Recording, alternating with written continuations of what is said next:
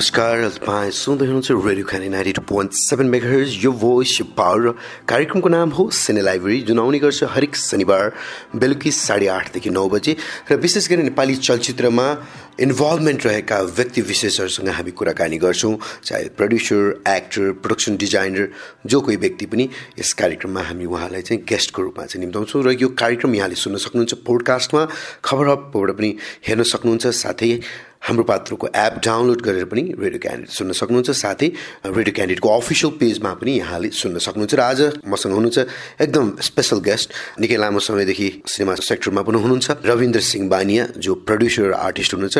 र उहाँको movie credits भन्नुपर्दाखेरि जात्रा पशुपति प्रसाद झुम्की वाइट सन र जात्रा जात्रा कति ठाउँमा उहाँ एज अ प्रड्युसर इन्भल्भ हुनुहुन्छ र अधिकांशमा चाहिँ उहाँ एज अ एक्टर पनि इन्भल्भ हुनुहुन्छ र best actor in negative role Talakjung versus टुल्केमा पनि उहाँले चाहिँ अवार्डेड हुनुभएको थियो र विभिन्न फिल्म अवार्ड्समा पनि नोमिनेट पनि हुनुभएको छ।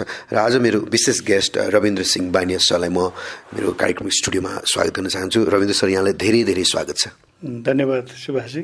एउटा नाटकबाट रङ्गमञ्चबाट आएको व्यक्ति सिनेमामा एकदम भास्ट डिफ्रेन्स हुन्छ भन्छ। यो रङ्गमञ्च र सिनेमामा कतिको डिफ्रेन्स छ सर अब स्कुलिङ हाम्रो रङ्गमञ्च हो तर यो फरक भनेको मलाई चाहिँ कस्तो लाग्छ भन्दाखेरि एज अ स्टेजमा त्यो चाहिँ हामीले त्यो आर्टिस्टको मिडियम हो कि त्यो एक्टर मिडियम हो स्टेज चाहिँ। त्यहाँ चाहिँ तपाईँलाई हामीहरूले निर्देशक राइटर मऱ्यो भन्छौँ कि जब स्टेजमा कलाकार उत्रिन्छ किनभने कलाकार त्यहाँको कलाकार प्रमुख हो। तर फिल्ममा आएपछि चाहिँ त्यो चाहिँ डाइरेक्टर मिडियम हो फेरि। त्यहाँ चाहिँ हामीले जति राम्रो गरे पनि जे जे गरे पनि आखिर अन्तिममा टेबलमा एडिट गरिसक्दाखेरि के राख्ने के नराख्ने कति देखाउने के देखाउने त्यो डाइरेक्टरको हातमा हुन्छ। तर एक्टरहरू जुन स्टेजमा पर्फर्म गरिन्छ त्यहाँ चाहिँ फेरि फुल त्यहाँ जे सिकाए पनि जसो गराए पनि स्टेजमा छिरिसकेपछि त्यो स्टेजमा कलाकार चाहिँ प्रमुख हुन्छ। यो चाहिँ कलाकारको हिसाबले हेर्दा चाहिँ स्टेजको पर्फर्मेन्समा एक खालको त्यो मेडिटेटिभ खालको आनन्द चाहिँ हुन्छ। जस्तो मलाई चाहिँ के लाग्छ भने उदाहरण मैले आफूले अनुभव गर्दाखेरि चाहिँ थिएटरमा एक्टिङ गर्दाखेरि चाहिँ तपाईँ जस्तो रातभरि तपाईँ सुत्नु भएको छ पुरै नबिउजिकन बिहान एकैचोटि बिउजिँदाखेरि जस्तो खालको त्यो एउटा डिस्टर्बेन्स नभइकन आनन्द निन्द्रा पुगे जस्तो हुन्छ। त्यो खालको एक्टिङको मजा आउँछ नाटक गर्दाखेरि चाहिँ। त्यहाँ तपाईँ छिरिसकेपछि नो कट होइन? नो अब तपाईँलाई केही रिटेक अनि तर फिल्ममा गर्दाखेरि चाहिँ के हुने भन्दाखेरि यति धेरै जम्पहरू भइरहेको हुन्छ कि जस्तो अब कहिलेकाहीँ स्केड्युलको आधारमा कहिलेकाहीँ फिल्मको लास्टको सिन चाहिँ पहिलो दिन खिच्नुपर्ने हुन्छ। अनि त्यो होल त्यसको त्यो जर्नी त्यसको भित्रको त्यो भनौँ न क्यारेक्टरको त्यो चाहिँ एकदमै फिल्ममा चाहिँ up and down back and forth हुने भएर अनि फेरि लिँदाखेरि पनि एउटै चिजलाई एउटा डाइलगलाई तिन तरिकाले खिचेर तिन टुक्रा बनाउँदाखेरि त्यो इमोसनल जर्कहरू हुने अनि आफू त्यसमा फुल्ली भिजेर त्यसमा गर्नै नपाउने स्थिति हुन्छ। त्यही भएर एकदमै टेक्निकल हुन्छ फिल्ममा चाहिँ। टेक्निकल्ली त्यो चिजहरूसँग डिपेन्ड हुनुपर्ने त्योसँग प्यारलल्ली जानुपर्ने धेरै कुराहरूसँग याद गर्नुपर्ने भावेर फिल्मको एक्टिङ चाहिँ अलिकति नाटकको भन्दा चाहिँ अलिक टेक्निकली नै डिफ्रेन्ट छ। डिफ्रेन्स हुन्छ भन्ने लाग्छ मलाई चाहिँ। जस्तै थिएटरबाट पनि आउनुभयो मुभीमा पनि इन्भल्भमेन्ट रहनुभयो। यो जर्नी कसरी सुरुवात भयो? कस्तो व्यक्ति हुनुहुन्छ रविन्द्र सिंह बानिया? वास्तवमा उसले कसरी चाहिँ हो यो कलाकारी त मेरो जीवन हो। म यसमा आउन चाहन्छु as a producer as an actor यो सोच एउटा युवामा कसरी आइपुग्यो? सुरुवाती दिनलाई सम्झौँ हामी। त्यस्तो एकदम प्लान गरेर हुन्छ नि आजकल त बच्चैदेखि म कलाकार बन्ने हो नाटक यस्तो फिल्म गर्ने हो अथवा डाक्टर इन्जिनियर बन्ने हो भन्ने हुन्थ्यो त्यो हाम्रो बेलामा चाहिँ कस्तो थियो भने उयो बच्चाहरूमा स्कुलमा सिकाउँदाखेरि के बन्ने हो भने डक्टर इन्जिनियर पाइलट। यति यस्तै यस्तै मात्रै हुन्थ्यो। कलाकार बन्छु भन्ने त त्यो अप्सनमै थिएन। फेरि स्कुलदेखि नै मैले एकदमै लाज मान्ने एकदमै लाज ल एकदम लजालु होइन? स्कुलमा कुनै सरहरूले उठेर यो भन् भन्दाखेरि नाम त बिर्सिने त्यति लाज मान्ने मान्छे अब कलाकार बन्छु भनेर त सपना पनि सोचेको थिएन। तर अब आफ्नो ब्याचलर सकिसकेपछि चाहिँ ल अब के गर्ने त ला अब के गर्ने भनेर सोच्ने क्रममा चाहिँ म काठमाडौँमा यो परिवर्तन नेपाल भन्ने छ एउटा मोहन निरौला सरको। त्यहाँ चाहिँ फ्रीमा एक्टिङ सिकाउने कोर्स भनेर विज्ञापन आएछ भने त्यहाँ हेरेपछि यसो लाग्यो म अलिकति लाज पनि हट्छ। अहिले एक्टिङ सिक्यो भने अलिकति आफूले पर्फर्म गर्न सकिन्छ आफूले जाने कुरामा जुन कुनै क्षेत्रको लागि पनि काम लाग्छ भन्ने हिसाबले त्यहाँ छिरेँ। तर त्यो गर्दै जाँदाखेरि यति मजा आयो कि त्यो जीवनमा जे कुरा मजा आउँछ त्यसलाई काम बनायो भने कामै गर्नु पर्दैन जिन्दगीभर भनेर पढेको थिएँ। आखिर यो नाटक गर्दाखेरि यो रमाइलो गर्दा यति रमाइलो हुँदो रहेछ भनेर त्योसँग एक खालको मोह बस्न गयो। अनि अरू काम त अब करले गर्नुपर्ने यो रहरले गर्ने अनि त्यो त यति रमाइलो लाग्ने।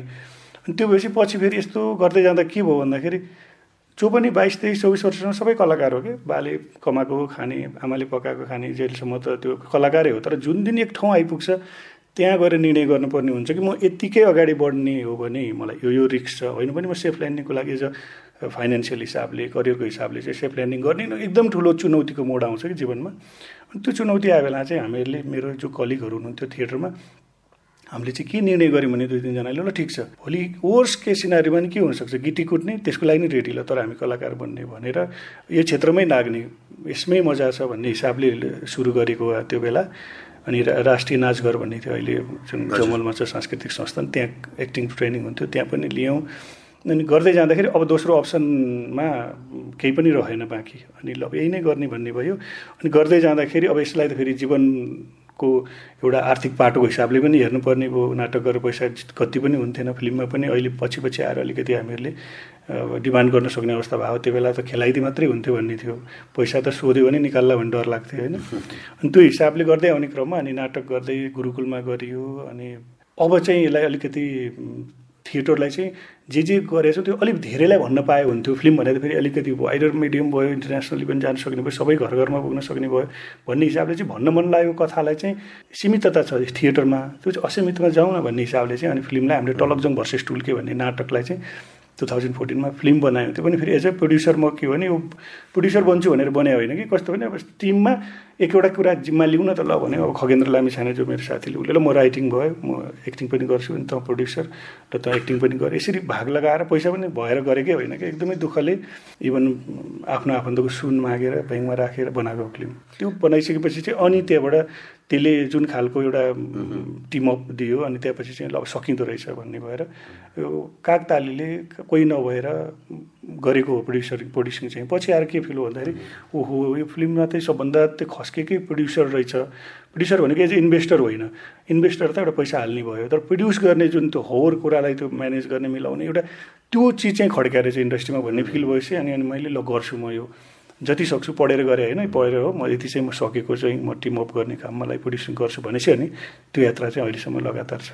जस्तै नेपालमा के बुझिन्छ भने फिल्ममा लगानी गर्नु भनेको चाहिँ बालुवामा पानी हाल्नु बराबर।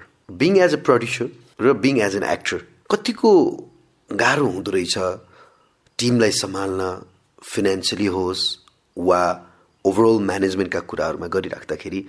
नेपालमा प्रड्युसरलाई अझ पनि स्ट्रङ बनाउन नसक्नु र त्यो एकचोटि इन्भेस्टर इन्भेस्ट गरेपछि चाहिँ रिटर्न नहुने प्रड्युसरहरू पनि देख्यौँ हामीले।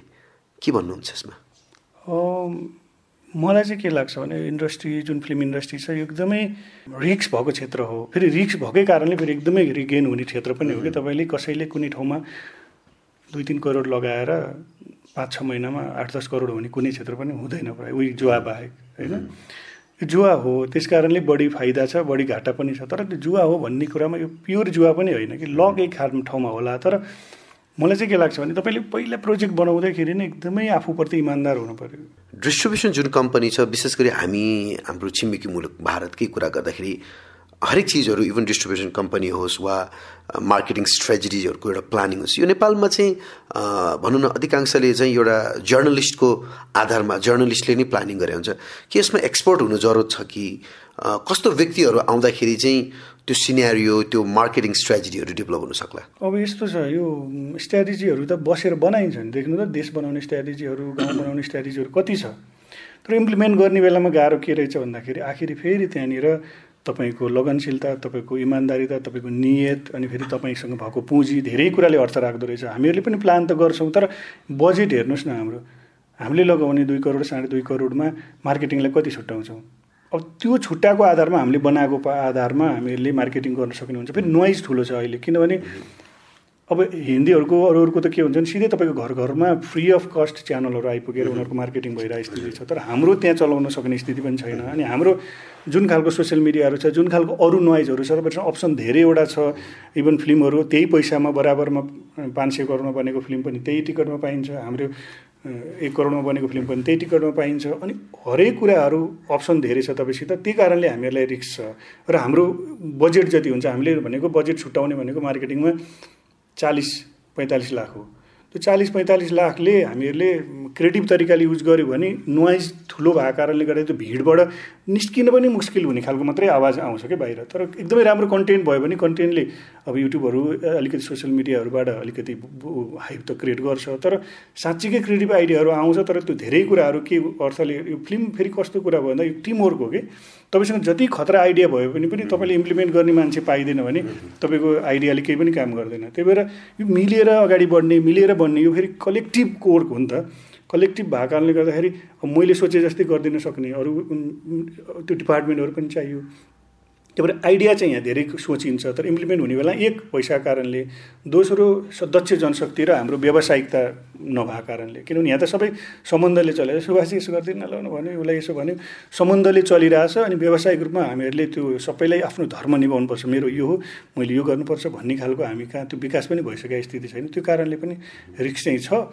तर गर्दाखेरि आजसम्म हेर्दाखेरि चाहिँ राम्रो काम गऱ्यो भने राम्रो इरादाले राम्रो इन्टेन्सन राखेर गऱ्यो भने दर्शकले त्यो मन नपराइदिएको अथवा दर्शकले नहेरिदिएको भन्ने चाहिँ छैन त्यो चाहिँ। जस्तै एज एन एक्टर होइन अब कतिजना नयाँ प्रतिभाहरू जो जसलाई हामीले प्रोसेसिङ एक्टर भन्छौँ स्ट्रगलिङ त भन्दैनौँ processing actors and also aspiring actors भन्छौँ होइन। उहाँहरूमा जस्तै तपाईँले पनि धेरैवटा मुभीमा पनि कति नयाँ नयाँ प्रतिभाहरूसँग काम गर्नुभयो। विशेष गरी नयाँ प्रतिभाहरूमा के समस्या जुन जुन एउटा माइन्ड सेटले गर्दाखेरि चाहिँ अगाडि बढ्न नसकेका हुन्। किनकि कतिले चाहिँ मैले आठ वर्ष स्ट्रगल गरेँ मैले सात वर्ष स्ट्रगल गरेँ। खै मलाई त यहाँ यस्तो भएन उस्तो भएन। यो कम्प्लेन मात्र खालका कुराहरू पनि देखिन्छ। वास्तवमा के चिजले चाहिँ यी कलाकारहरू चाहिँ ब्याक भइराख्यो? किनकि थिएटरबाट आएका हुन्छन् कति पढेर आइरहेका हुन्छन् होइन? भनिराख्दाखेरि एउटा राम्रो कलाकार किन तपाईँ आफै पनि एउटा कलाकार हुन्छ होइन? तपाईँले अरूसँग पनि काम गरिराख्नु भएको छ। अरूले अरू प्रड्युसरले तपाईँलाई इन्भेस्ट गरिरहेछ तपाईँको फेस भ्याल्यु तपाईँको मार्केट भ्यालुलाई बुझेर चाहिँ लगानी गरिरहेछ क्यास गरिरहेछ भनिराख्दाखेरि नयाँ प्रतिभाहरू आज जो आउनु भएको छ उहाँहरूमा त्यस्तो के समस्याले गर्दाखेरि कहिले कहिले रोकावट आइरहेछ? मुख्य कुरा त मेरो सबभन्दा ठुलो बिन्ती अथवा टिप्स भने पनि मेरो अनुरोध भने पनि के भन्दाखेरि त्यो गुड ह्युमन बिइङ हुनु पऱ्यो गुड ह्युमन बिइङ नभइकन मैले छान्दा चाहिँ है मेरो टिममा म टिम वर्क गर्दाखेरि टिम टिम मेम्बरहरू छान्दाखेरि चाहिँ पहिलो क्वालिटी नै गुड ह्युमन बिइङ खोज्छु। अनि दोस्रोमा मात्रै म उसको ट्यालेन्ट हेर्छु कि। किनभने फिल्म बनाउनु आफ्नो ठाउँमा छ फिल्म खत्रै बनाइएला अरे तर म एक वर्ष उसको सङ्गत गर्दा उसँग काम गर्दाखेरि मलाई त्यो एज अ मानवीय हिसाबले पनि उसको गुड भे भाइबहरू गुड फिलिङ्सहरू हामी त फिल्मको सँगसँगै ग्रोथ सँगसँगै हाम्रो ह्युमन मोरल भ्यालु एज मानवीयताको पनि त हाम्रो एउटा लाइफको ऊ छ नि जर्नी छ नि त्यो पनि त ग्रोथ हुनु पऱ्यो नि। म चाहिँ मान्छे as a spiritual as a एउटा ह्युमन बिइङको हिसाबले चाहिँ जहाँ तहीँ बस्ने फिल्म चाहिँ अगाडि बढेर त हुँदैन। प्यारलली बढ्ने प्रक्रिया हुन्छ। तपाईँ जस्तो स्थितिमा जस्तो दर्शन जीवन दर्शन तपाईँसँग छ तपाईँले त्यस्तै खाले फिल्म बनाउँदै जानुहुन्छ र प्यारलली जानुहुन्छ। अब गाह्रो यहाँ के रह्यो भन्दाखेरि म कतिपयहरूसँग काम गर्दाखेरि उहाँहरूको चाहिँ काम गर्दाखेरि जुन एटिट्युडहरू हुन्छ जुन खालको त्यो परिस्थितिहरूसँग एडजस्ट भइदिन नसक्ने होइन? अनि अनि अलिकति त्यहाँको परिस्थितिहरूलाई बुझेर आफूले आफूलाई त्यहाँ ढाल्न नसक्ने हुँदाखेरि कतिपय ठाउँमा डिस्टर्ब हुन्छ। त्यो त्यो कारणले गर्दाखेरि मान्छेहरूले लिन उहाँहरूलाई अप्ठ्यारो मान्ने हुनसक्छ। त्यही कारणले कम्तीमा म चाहिँ के अनुरोध गर्छु भने जो कलाकार बन्न चाहिरहनु भएको छ एक्टिङ त चाहिन्छ नै। तपाईँलाई के अरे आफूमा दक्षता कलाकारिता तपाईँको भनौँ न आफ्नो ऊ त चाहियो। तर त्योभन्दा अगाडि चाहिँ तपाईँ good human being as a फेरि प्रिटेन्ड गरेर होइन कि भित्रैदेखि साँच्चीकै त्यो म यहाँ इन्भल्भमेन्ट भइदिएर म के पाउँछु होइन कि यो प्रोजेक्ट कसरी राम्रो बन्छ? किनभने कलाकारको हिसाबले मैले के अनुभूत गर्छु भने तपाईँलाई लिडै रोल दिए पनि भोलि तपाईँलाई जति राम्रो के काम दिए पनि त्यो जबसम्म त्यो टिमवर्कको राम्रोसँग टिम अप भएर राम्रो हुँदैन तपाईँको काम यत्तिकै बालुवामा पानी हाले जत्तिकै हुन्छ। त्यस कारणले बरु सानो रोल होस् कि ठुलो रोल होस् कि त्यो रोलमा म इन्भल्भमेन्ट हुँदाखेरि त्यो टिमलाई के फाइदा हुन्छ? त्यो तपाईँ अरूलाई फाइदा सोच्न थाल्नुहोस् तपाईँको फाइदा सो त हुन्छ कि। जब हामी चाहिँ के हुन्छ भने मलाई के हुन्छ? मलाई के हुन्छ? एक्लैलाई हुने कुरै छैन फिल्म लाइनमा। तपाईँ जति लिड गरे पनि एक्लैले त्यो फिल्म चल्ने पनि होइन तपाईँले जति राम्रो गरे पनि एक्लैले त्यो फिल्मलाई अगाडि बढाउने। जब सिङ्क्रोनाइज हुनु पऱ्यो कि त्यो टिमसँग तपाईँ हामी चाहिँ के हुन्छ भने म हिरा हुँ भनेर बसेको छ भने त्यहाँ सिसा चाहिए हुनसक्छ कि? मलाई के लाग्छ भने फिल्म इन्डस्ट्रीमा हामीले बनिदिने चाहिँ के भन्दाखेरि सजिलो र त्यो ठाउँमा फिट भइदिने हो कि? त्यो पजलहरूमा इन्भल्भ भइदिने तपाईँ जति नै ठुलो भए पनि सानो भएर त्यो पजल सानो चाहिएको छ भने सानो भएर छिर्नु पऱ्यो। एउटा नक्सा बनिरहेको हुन्छ फिल्मको त पजल पजल टुक्राहरू जस्तो मानौँ। यो प्रड्युसरलाई पनि हो यो एक्टरलाई पनि हो डाइरेक्टरलाई पनि हो राइटरलाई पनि हो यो कुरा चाहिँ मैले देखेँ के भन्दा एउटा गाडी बनाउँदैछौँ हामी भने त्यसको पार्ट पूर्जाहरू सबै फरक फरक हुन्छ।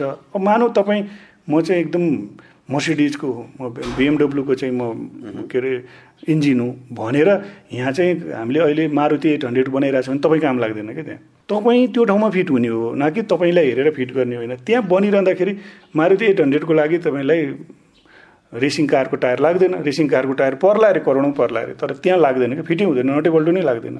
भनेपछि होल त्यो पार्ट पूर्जामा म कहाँनिर फिट भएर त्यो गाडी चलाउन सक्छु भनेर हेर्नु पऱ्यो कि।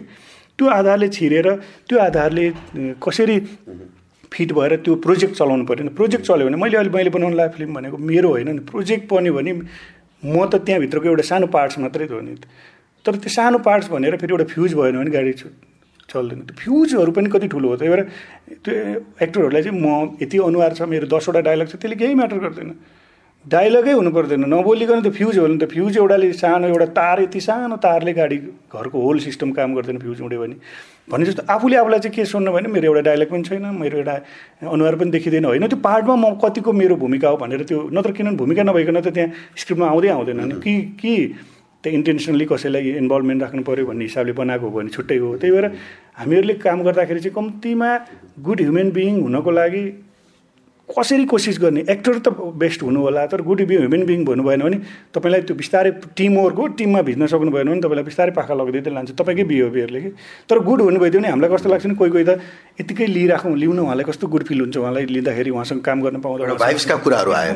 मुख्य कुरै त्यो तपाईँ इन्टेन्सन प्योर हुनु बित्तिकै तपाईँले त्यो ठाउँमा तपाईँ अड्नुहुन्छ कि टिक्नुहुन्छ कि? केले टिक्ने भन्दाखेरि चल्ने एकचोटि तपाईँको उसले होला तपाईँको आफूमा भएको दमले होला चल्ने तपाईँको आफ्नो भनौँ न ट्यालेन्टले होला टिक्ने चाहिँ बिहेभियर ह्युमन बिहेभियर। तर एकदमै मुख्य कुरा एकदमै आफूभन्दालाई चो तलमाथिलाई भन्ने हिसाबले मान्ने गर्ने माया गर्ने भन्ने हिसाबले भन्दा पनि गुड ह्युमेन भएपछि के गर्नुपर्छ भने सोच्नै पर्दैन कि? त्यो अटो अटोमेटिक आउँछ नि। त्यो खालको बिहेभियरहरू टिममा जाँदाखेरि तपाईँ सानो रोल नै किन नहोस्। हामीहरूले कतिपय फिल्ममै पनि एउटा सानो आएको रोलको मान्छेहरूले कति मनपर्छ कसैलाई उसलाई हामीले छोड्नै चाहँदैनौँ कि? किनभने त्यो हामीलाई चाहिएको छ कि? उहाँलाई हामी चाहियो होइन कि? हामीलाई उहाँ चाहिएको छ कि?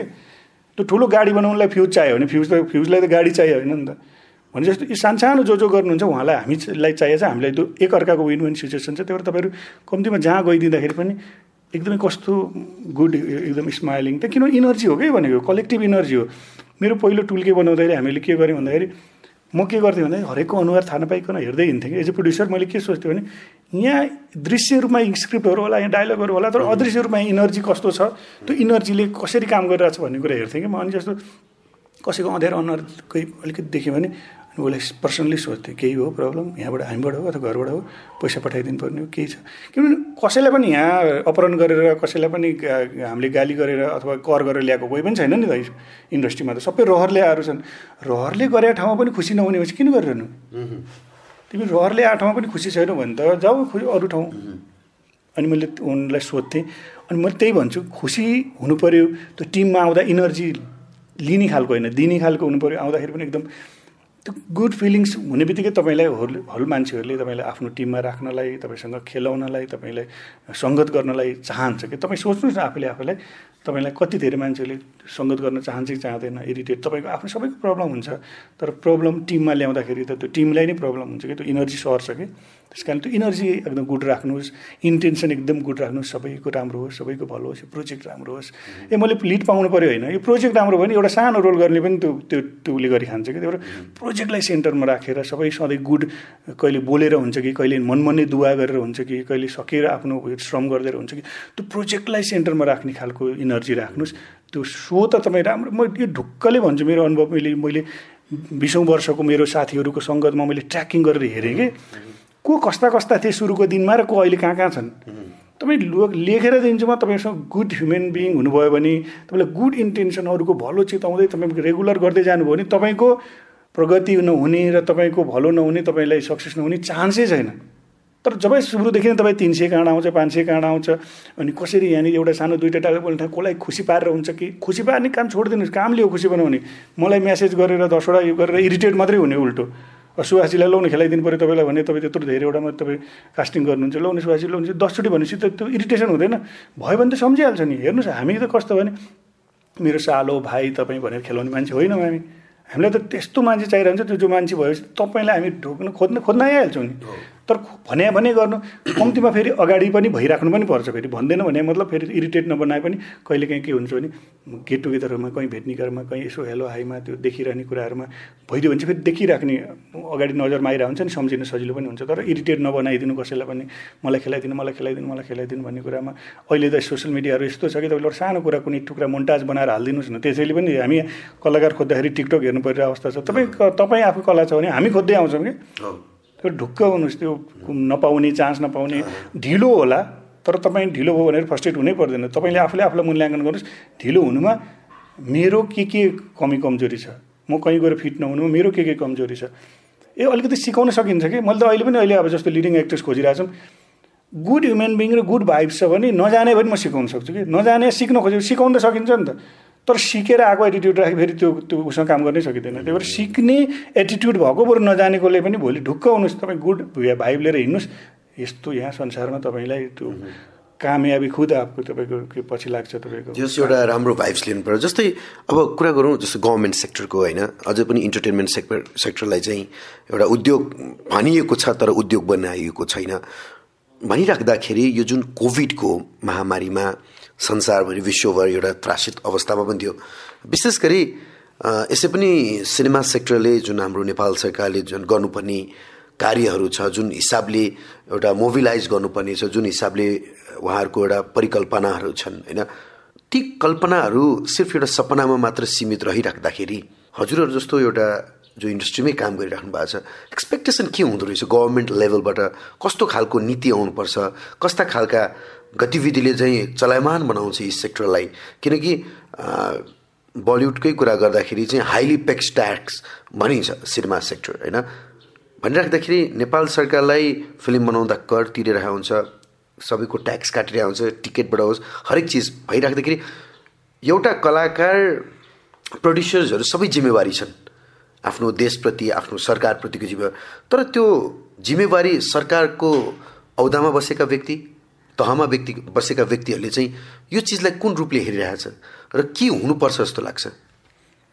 अब यसमा गुनासो मेरो गर्ने अहिले गुनासो भए पनि अहिले गुनासो गर्ने अवस्था छैन मैले देखेको चाहिँ। किनभने प्रायोरिटीमा के के हुँदो रहेछ भन्दाखेरि जीवनमा तपाईँले घाँस बाँस कपास शिक्षा स्वास्थ्य के के पछि मनोरञ्जन आउने लागि अब जो गभर्मेन्टको जुन अवस्थामा छ त्यहाँ अहिले हामीहरूले कतिपय ठाउँमा सिटामलै बाँड्न सकिरहेको स्थिति छैन कोही के के बाँडिरहेको स्थिति छैन। अब हामीले फिल्मलाई हेरेन भनेर गुनासो गर्दाखेरि रुवाई गर्नु स्थिति नै छैन। किनभने फिल्म मलाई सरकारले लाग भनेर लागेकै होइन म?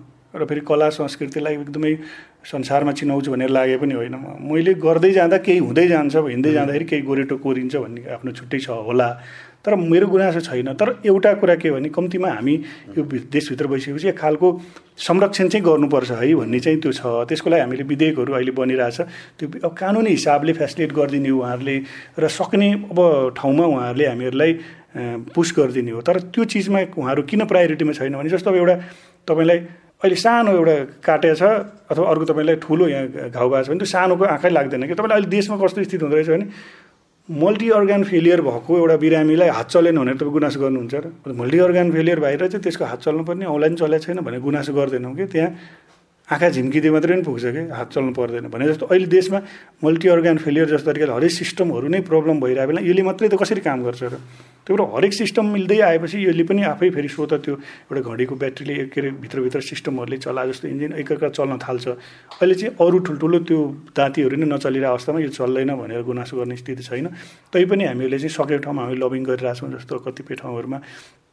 जसरी बलिउडहरूका हलिउडदेखि लिएर अहिले त साउथको फिल्महरूले पनि हामीहरूको जुन स्क्रिन सीमित स्क्रिनहरूलाई अहिले अब हाम्रो फिल्महरू रिलिज गर्नलाई अप्ठ्यारो परे अवस्था छ। यस्तो बेला चाहिँ कम्तीमा हाम्रो अपेक्षा भनेको चाहिँ यही देशको हो हाम्रो भाषा कला संस्कृतिको अर्थ र त्यसको भनौँ महत्त्व बुझिसके जस्तो लाग्दैन। यो भनेको नेपाली भनेको त भूभाग मात्रै होइन होला नि त होइन। यो नबुझे अवस्थामा चाहिँ कम्तीमा संरक्षण चाहिँ गरिदिनुहोस् है। हामीलाई आरक्षण चाहिएन बरु। हामी लड्छौँ। हामीलाई त के लाग्छ भने फेरि राम्रो फिल्म आओस् कि?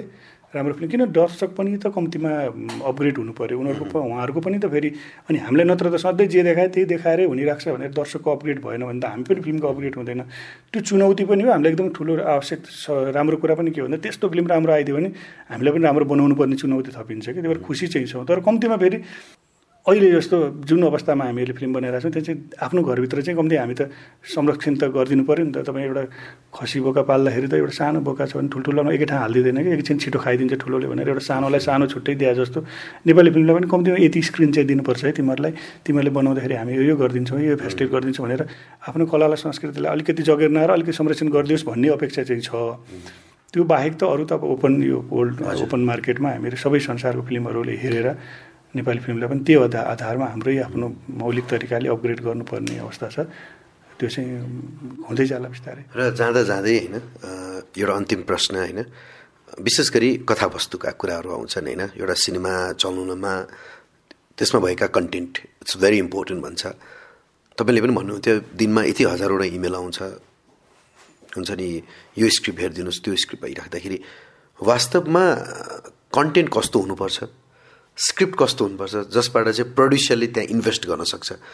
अब यस्तै हुनुपर्छ भन्ने भन्दा पनि कम्तीमा मौलिक यो अर्थले हुनुपर्छ कि तपाईँले दर्शकलाई केही नयाँ प्रेजेन्टेसनको हिसाबले अब स्क्रिप्टको हिसाबमा मलाई अहिले आएर के फिल हुन्छ भने कथावस्तुहरू त सबका राम्रा राम्रा हुन्छन् तर प्रेजेन्टेसन रहेछ आखिरीमा।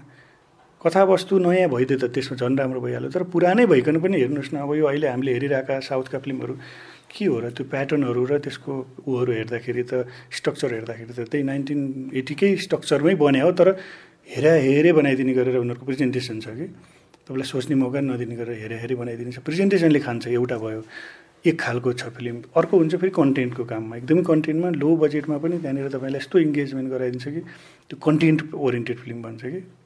अब अहिले हामी भिजुअल ओरिएन्टेडमा जान नसकौँला त्यो त्यो खालको पैसा पनि नहोला त्यो खालको हाम्रो जनशक्ति पनि नहोला तर कन्टेन्ट ओरिएन्टेड किन भन्यो भने जस्तो हामीहरूले हेर्नुहोस् न हाम्रो इरानी मुभीहरू हेर्नुहोस् त्यो थोरै बजेट लाग्छ। हाम्रो जस्तै खर्चमा अहिले जस्तो भुटानमा हाम्रो साथीकै फिल्म त्यो ओस्कारमा गयो होइन लुनाना भन्ने।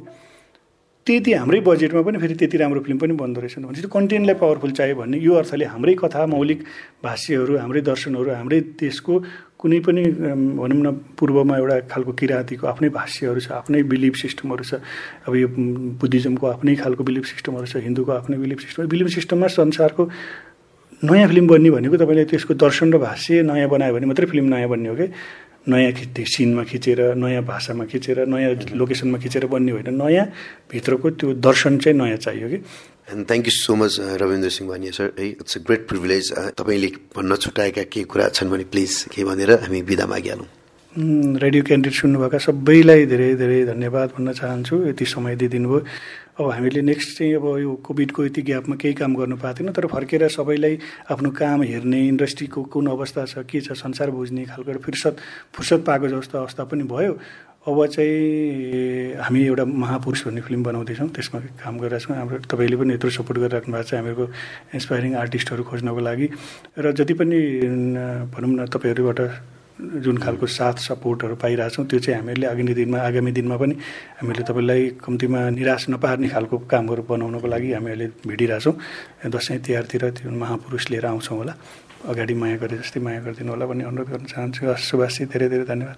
Thank you so much sir हस्। उहाँ हुनुहुन्थ्यो प्रड्युसर आर्टिस्ट रविन्द्र सिंह बानिया र पक्कै पनि आजको कार्यक्रम विशेष रह्यो। यस मानिमा कि उहाँले धेरै कुराहरू as a producer as an actor एउटा एसपायर एक्टर्सले गर्नुपर्ने काम के थियो एउटा गभर्मेन्ट सेक्टरले कसरी मोबिलाइज गर्नुपर्छ फिल्म सेक्टरलाई भन्ने खालका कुरा गर्नुभयो। यति भन्दै म यहाँहरूमा आज बिदा हुन चाहन्छु। सुन्दै गर्नुहोस् radio candid ninety two point seven mega यो भोइस पावर गुड नाइट